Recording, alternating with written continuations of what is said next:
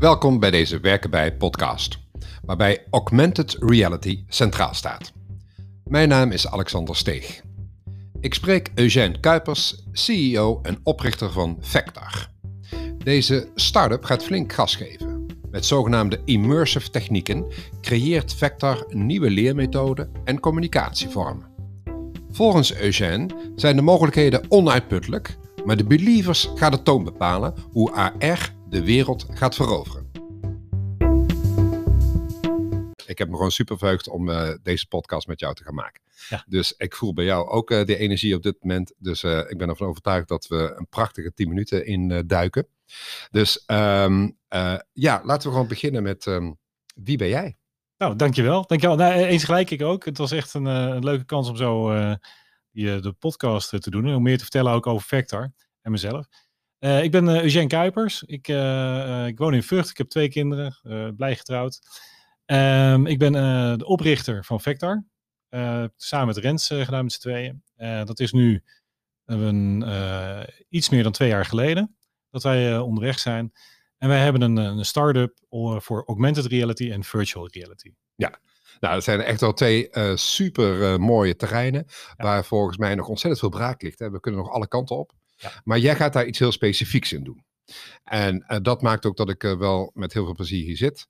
Um, hoe, gaan we het, uh, hoe gaan we het gesprek in? Gaan we het hebben over augmented reality apart van virtual reality? Of kunnen we dat gewoon bij elkaar doen? Of gaan we het hebben over het platform? Ik geef aan jou eigenlijk de bal. ja. Nou, dan pak ik die bal op en dan ga ik eigenlijk terug naar 1998. Oké. Okay. Ja, en dan zeg ik, want dat doe ik wel vaker. Want augmented reality en virtual reality, het is een bepaald punt in de tijd waar we nu staan. En als je gaat kijken naar 1998, dan had je eigenlijk de opkomst van het internet. En iedereen had het toen de tijd over het internet. En iedereen die zei toen, uh, dat internet, dat is wel een dingetje, maar wat kan ik er nou eigenlijk mee? En dan zag je de, eerste personen die daarmee aan de slag gingen, bijvoorbeeld uh, Jeff Bezos. Hè, die was al heel vroeg bezig met internet om een marktplaats uh, te maken of voor, voor boeken. Ja.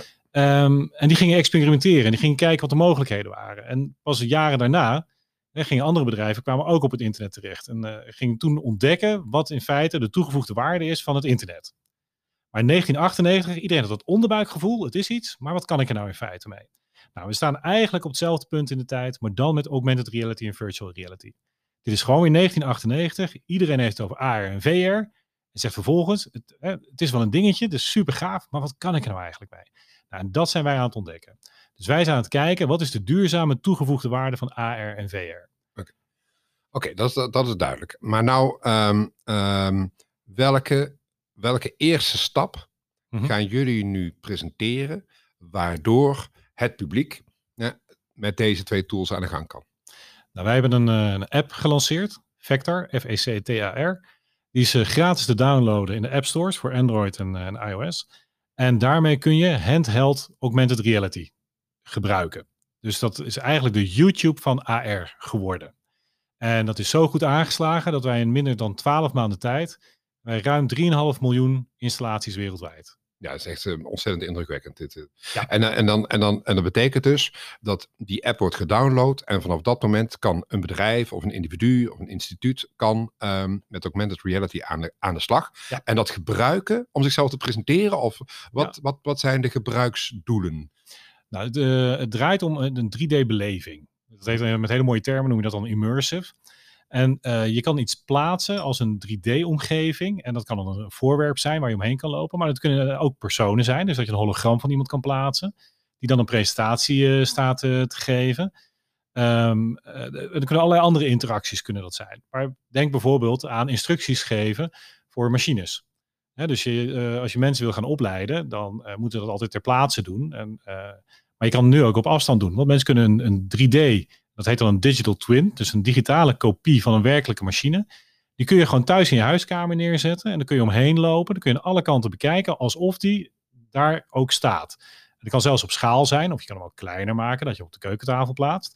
En dan kun je ook weer knoppen aan toevoegen. En als je op een knop klikt bij zo'n 3D-model, dan kan er weer informatie uitkomen. Dan kan er, of een filmpje kan erop starten of iets anders. Dus je hebt een hele visuele trainingstool die draait op een gewone gemiddelde telefoon.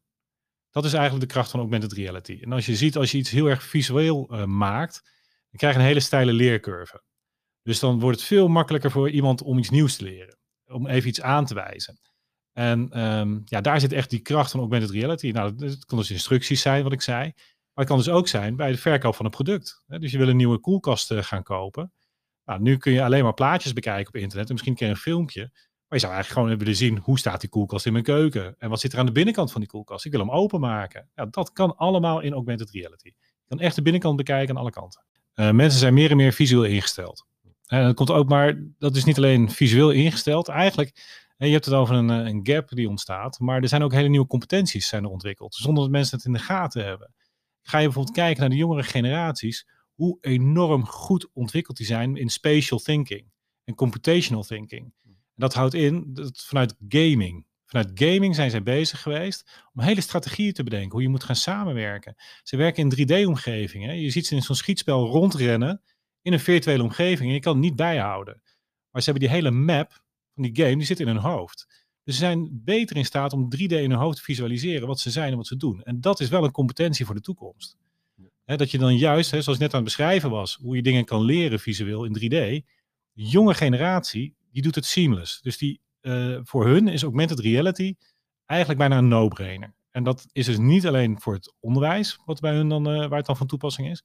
Maar ook straks als zij consument worden, of al zijn, is het voor hun ook een hele logische manier om producten te kopen logischer nog dan het kijken op internet of het lezen van een folder.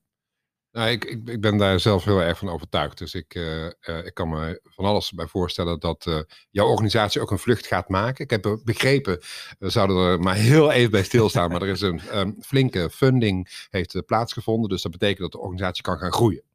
Ja, en toezeggingen. Dus ja. we hebben deze ronde gedaan, maar we zijn ook alweer bezig met de volgende ronde. En daar zijn ook alweer de eerste toezeggingen voor binnen. Dus wij... Ja uh, houden de vaart er flink in. Ja. Oké, en dat betekent uh, natuurlijk voor je organisatie, want we maken een werken bij podcast, ja. dat jouw organisatie die gaat groeien. Jij hebt mensen nodig. Ja. ja. Wat voor soort mensen heb jij nodig? Uh, believers. Dat is eigenlijk, ik, ik, als iemand bij mij komt voor het eerste gesprek, kijk naar het DNA. Dat, dat vind ik het allerbelangrijkste. Hè? Dus het is vaak competenties, cv's en dat soort zaken. Maar kijk, als het DNA er niet is, dan gaat de rest niet vliegen.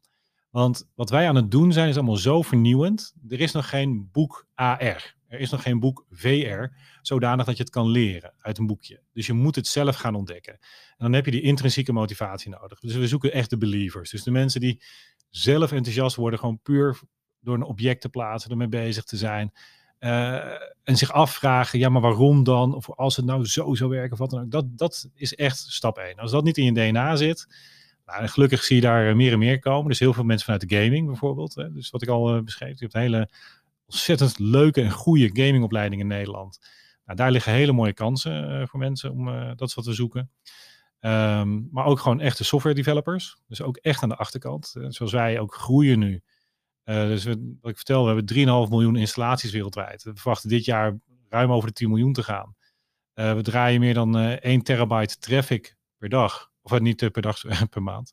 Uh, maar dat, dat soort volumes. Dus ook onze architectuur, IT-architectuur, mm -hmm. ja, is ook een zware. Dat is niet, wij hebben geen hobbyclubje neergezet. Is SaaS eigenlijk? Of is dat ja, het is een SaaS-oplossing. Ja, het draait allemaal met Microsoft Azure. Mm -hmm. um, uh, maar wel zodanig opgezet dat wij 50 miljoen gebruikers aan zouden kunnen. En dat soort volumes. Want we hebben allemaal pieken die we krijgen op verschillende momenten, verschillende landen. Uh, dus, en dat is al hele het hele team bestaat ook uit seniors binnen, binnen Vector. We zijn nu 14 mensen in totaal en allemaal seniors. Dus onze sprints gaan ook in een heel hoog tempo. Dus wij uh, bedenken iets met elkaar, gaan aan de slag, uh, draaien een kort experiment om te, een experiment uh, te valideren. En als we dan zien, ja, dit klopt, dan gaan we daarop doorpakken. En 9 van de 10 keer klopt het niet, maar dan hebben we het wel geprobeerd. En dat is dus de believer. Die zoekt, die kijkt, die vroet, die valt 10 keer op zijn neus. En de elfde keer dan uh, dat is hem. En dan ben je blij. Nou, dan lukt het, ja precies. Ja, ja. precies. Oké, oké. Als nou um, mensen deze podcast horen, want we maken nu een best wel uh, korte podcast, hè, dus er is nog ontzettend veel te verkennen en te leren. Ja. Um, maar uh, ze raken geïnspireerd. Ja. Het eerste wat ze doen is de Vector app downloaden. Dat is nummer één. Ja. Nou, ik heb hem toevallig net ook gedownload, dus het gaat super makkelijk. Dus dat, daar, daar zit niks ingewikkelds aan. Ja. Maar hoe kunnen ze nou met jullie zelf ook in contact komen? Nou, uiteraard vector.com, dat is onze website, daar staat ook informatie. Daar staan altijd ook vacatures vermeld. Maar we staan ook altijd heel erg open voor open sollicitaties. Dus uh, we laten ons heel graag verrassen. Um, ook het, dus de creatieve kant van augmented reality. Net had ik het meer over de technische kant, hè, dus de, de architectuur en de IT-kant. Maar de creatieve kant van AR, die is nog zo open. Wij weten niet wat de kracht van creatie gaat worden in AR. En we hebben nu bijvoorbeeld heel veel kunstenaars. Die hebben laatst ook uh, kunstprojecten gedaan met, uh, met de Vector app. Uh, een hele expositie geweest in Den Bosch. Echt super, echt super leuk. En dat, dat wij ook weer nieuwe dingen zagen, wat wij, wat wij gewoon niet kunnen bedenken. Hè. Dat, is, dat is één voorbeeldje van, vind ik, uit nieuwsgierigheid. er is een kunstenaar die heeft een hele fabriekshal nagemaakt. Ook echt op ware grootte in AR. En dan praat je over 10 bij 10 bij 8 meter.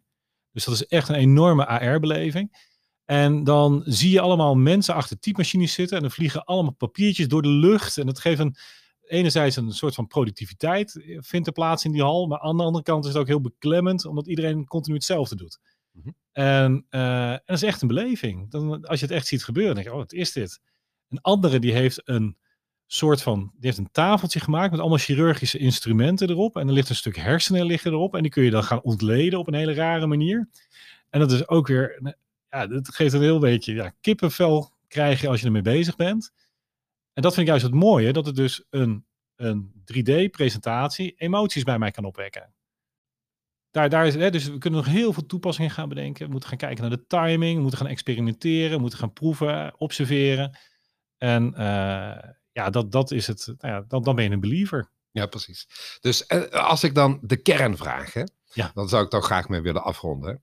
Want mensen horen dit. Uh, maar ik, ik kan het al een beetje invullen. Maar waarom wil je nou juist hier werken?